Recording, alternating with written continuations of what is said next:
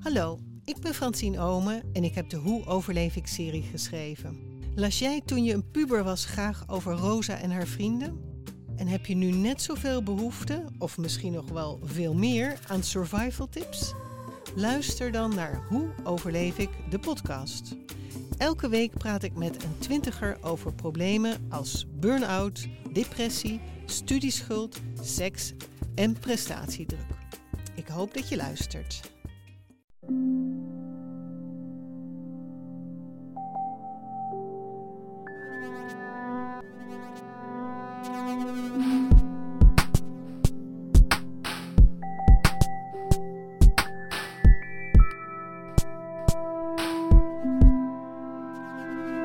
Dit is Relaas, waarin mensen een verhaal vertellen over iets dat ze zelf hebben meegemaakt. En het verhaal dat je straks gaat horen is het sluitstuk van een speciale trilogie. We zijn de voorbije weken in de gevangenis van Gent verhalen gaan verzamelen. Verhalen van gedetineerden zijn dat. Ik krijg nu het verhaal van Vera. Vera is een vrouw van rond de 60 jaar. En uh, zo ook bij onze vorige verteller, maar ook bij Vera, heeft de gevangenis ervoor gezorgd dat ze niet veel meer kan onthouden van haar verhaal. Ze had het uh, grotendeels uitgeschreven, ze bracht het op een podium in de gevangenis in Gent. Het kan soms wat warrig klinken, niet alles is even goed verstaanbaar, maar we vonden het wel belangrijk dat je ook eens over gevangenen door gevangenen hoorde praten. Daarom opperste concentratie voor het relaas van Vera.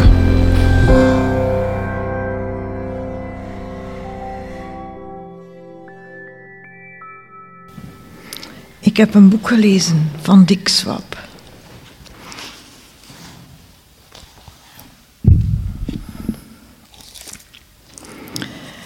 Dick Swap kreeg doodsbedreigingen 50 jaar geleden toen hij beweerde dat hersenen van hetero's en homo's van elkaar verschillend waren.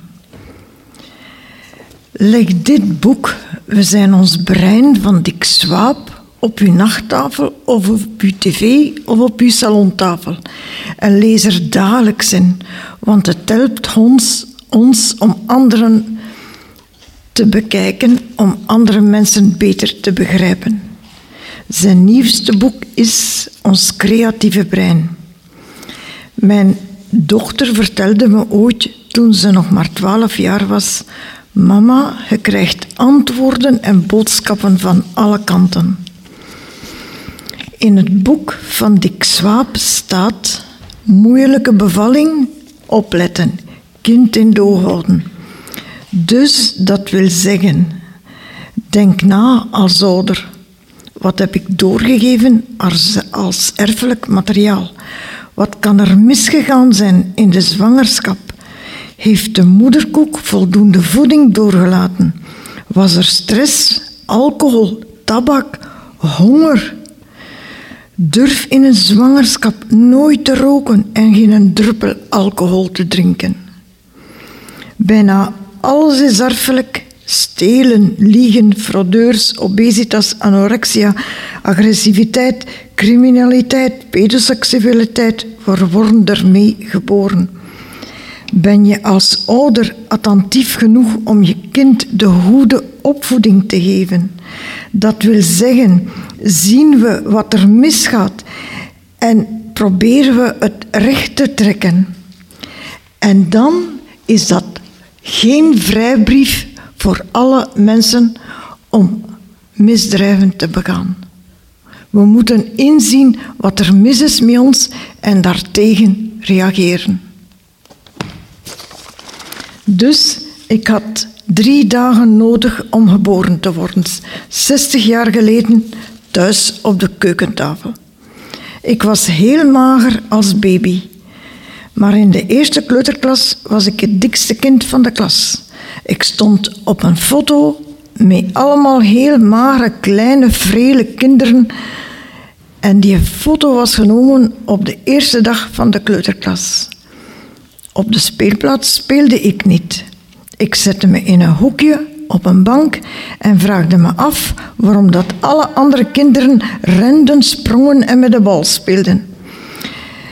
Ik had al heel vroeg door dat door dik te zijn ik veel meer zweten, er roder uitzag bij het lopen en springen, vetkwallen en vetkwallen had die een eigen leven gingen leiden. Dik zijn is niet fysiek aantrekkelijk. Ik wilde niet dat andere kinderen me uitlachten. Dus ik las boeken op de speelplaats en observeerde de andere kinderen. De turnles was een hel.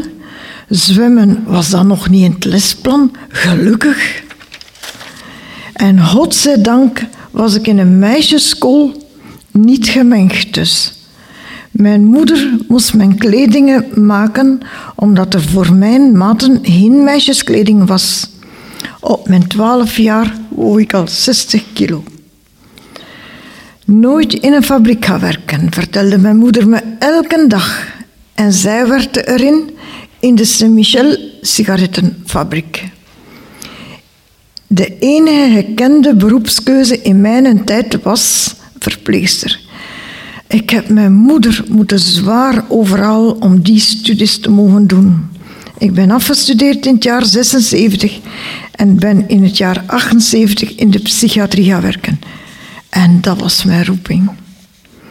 Maar ik dacht in de middeleeuwen beland te zijn. Plastieke borden, drinkbekers, geen lepels, geen vorken of messen. De patiënten werden één keer per week gedoucht, werden om de twee dagen gescoren. Geen veters, geen kousen, te grote, te korte, te lange broeken, geen centuren, geen bretellen, geen slippen of onderlijfjes. De hele dag met je handen je veel te grote broek omhoog houden. S'avonds vuile kleren uit, ze oprollen en ze neerleggen in een kruiwagen. Sanderendaags dezelfde kleren aan. Verse kleren, één keer per week bij douchen. Ik merkte na een paar douches dat sommige patiënten alleen maar hun hoofd onder het water hielden en dus niet de rest van hun lichaam wasten. Maar door dat natte haar dacht ik dat ze gewassen waren. Totdat ik het opmerkte en daarna mee de douches indook. Ik had net een opleiding achter de rug van netheid, hygiëne, steriliteit. Wat was dat dier? Dus we hebben de patiënten als mens behandeld. Gewone borden, messen, vorken, glazen op de tafel en soms kreeg ik wel een vork tegen mijn voorhoofd. Schone, nette, gepaste kledij, elke dag gewassen en geschoren. Activiteiten gedaan, een dagritme inbrengen, inbrengen uitstappen maken. En op een dag gingen we met de patiënten naar de Efteling. Dan liep het wel eens onverwachts. In de Efteling waren we tien patiënten kwijtgespeeld. De Efteling is dus geen plaats om met patiënten heen te gaan. Te veel planten, te veel bomen, te grote groep patiënten, te veel beplanting. We zagen niet door die beplanting. De parkwachter is geschakeld en die hebben de patiënten teruggevonden. Gelukkig hadden de verloren patiënten elkaar een hand gegeven. Nog, nog één ding van de dingen die ik fel veranderde. Ik gaf de kapper zijn C4. Hij kwam eraan met een tondeuze. Hij deed 30 patiënten op 1 uur 30 tijd. Ik heb aan mijn vriendin, haar kapster, gevraagd hoe een modern kapsel van een man gesneden werd. Ze kocht me een haarkapperskaar en een kam. Ze heeft het me één keer getoond. Zo moeilijk was dat niet, want een stiel dat moet je leren door hem te stelen met je ogen. Al mijn gewone werkzaamheden plus dertig man haarskeren. Het was een heel zwaar werk. Maar daarnaast was er ook mijn persoonlijke leven. Als je dik bent, kan je nooit trouwen met een man van wie je houdt want die heeft geen oog voor je. En ik had een visie over een leven en over een man. Hij moest een huis kunnen bouwen, alles weten van elektriciteit, chauffages, kortom alles wat er in een huis moest aangelegd worden. Op 26-jarige leeftijd had ik al een klein huisje gekocht voor de prijs, van 120.000 frank. De bedoeling was van te restaureren en te verkopen.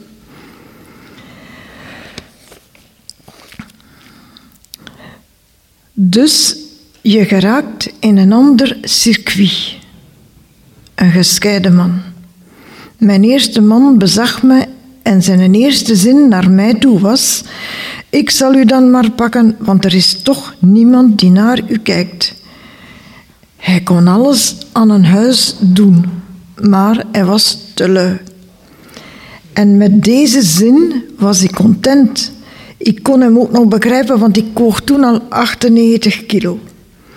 Eindelijk trouwen, maar niet uit liefde. En dat heeft ook niet even geduurd. Na 16 jaar ben ik van hem gescheiden.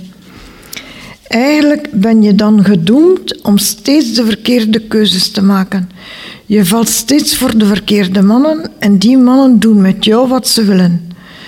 Vrouwen als ik worden steeds weer misbruikt door de woorden ik hou van je.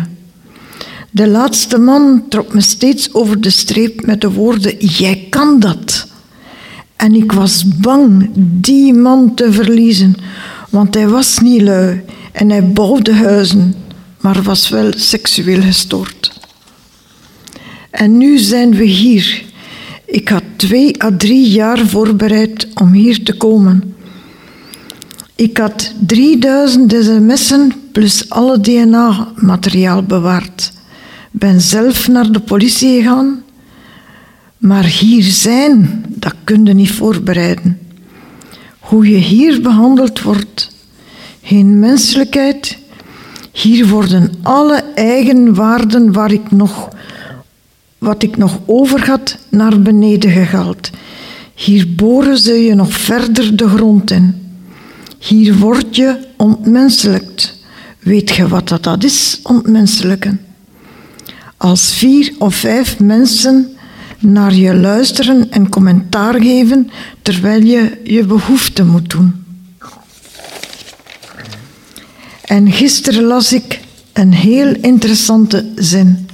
We zijn omgeven door mensen die niet om ons geven. Ik vraag me heel dikwijls af in welke emotionele roetsbaan komen we terecht eens we weer buiten zijn. Moeten we hierna vertellen aan nieuwe vrienden, ik was in het gevangen? Moeten we dingen vertellen of verzwijgen? Ik kan geen komedie spelen en heb geen knopjes om om te draaien. Voor mezelf heb ik uitgemaakt geen mannen meer in mijn leven. Ik kan geen liefdesverdriet meer verdragen. Ik doe alleen de dingen waar ik me nog goed bij voel. Mijn eigen interesses met gelijkgestelde zielen. Onder andere andere arme mensen helpen. Voor arme mensen chique kledij maken. Mensen leren leven met beperkte middelen. Nog andere interesses van mij zijn archeologie, geschiedenis, slijpen van diamanten. Want de Hoge Raad van Diamanten heeft ze is met zijn opleiding voor het slijpen van diamanten naar China getrokken. Je kunt niet zeggen dat je opnieuw begint, want in alle aspecten van je leven, je nieuwe leven, heb je een pak op je rug te dragen die je niet meer kwijtgeraakt. Ik stippel met goedkeuring een nieuwe weg uit, mijn weg, en deze zal ik verder gaan.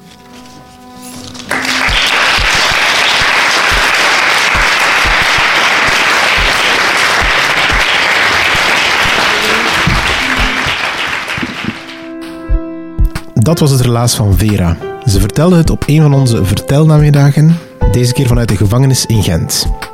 Drie gedetineerden hebben daar verteld. Dat waren voornamelijk harde en droevige feiten, daar hoef ik geen tekening bij te maken. Als je in de gevangenis zit, zijn de vrolijke verhalen ver te zoeken. Maar wij vonden het belangrijk om ze ook te capteren, om die verhalen te begeleiden en om die verhalen op een podium te brengen. Want er wordt heel veel verteld over gevangenissen, er wordt heel veel verteld over gevangenen, over cipiers, over vooral vervelende dingen, maar bijna nooit hoor je de verhalen uit de mond van de gedetineerde zelf. En daar wouden we dus verandering in brengen. Dit relaas kwam dan ook tot stand dankzij Stad Gent, maar ook door onze unieke samenwerking met de Rode Antraciet. Rode Antraciet is een uh, organisatie die activiteiten opzet tussen gevangenen en de buitenwereld. Onze partners zijn nog altijd Urgent FM, REC en Pulp Deluxe. En zeker voor dit relaas, maar voor alle anderen ook, bedank ik onze medewerkers. Dieter van Huffel, Timo van der Voorde, Sarah Latré, Philippe Cox, Evert Saver, Charlotte Huigen, Marlene Michels, Anna van den Nabelen, Kenny Vermeulen, Sarah de Moor, Andeleen Schelstraten, Ruby Bernabé Ploe en ikzelf ben Pieter Blomme. Dit was het sluitstuk van onze gevangenistrilogie, maar er zijn nog heel veel meer verhalen. We zitten al door de 80 verhalen. Daarvoor alleen al kan je ons volgen op Facebook, uh, op jouw favoriete podcast-app of gewoon via onze website www.relaas.be. Bedankt om te luisteren. En als je ons echt super vindt, of als dit verhaal je echt geraakt heeft, deel het dan alsjeblieft. Alleen door het te delen gaat het verder door de online wereld. En het is alleen dankzij die online wereld dat wij kunnen bestaan. Je deelt er niet alleen het verhaal van Vera door, maar ook het verhaal van Relaas, ook het verhaal van al onze partners. En alleen daarvoor al danken wij jou heel hard. Tot de volgende Relaas.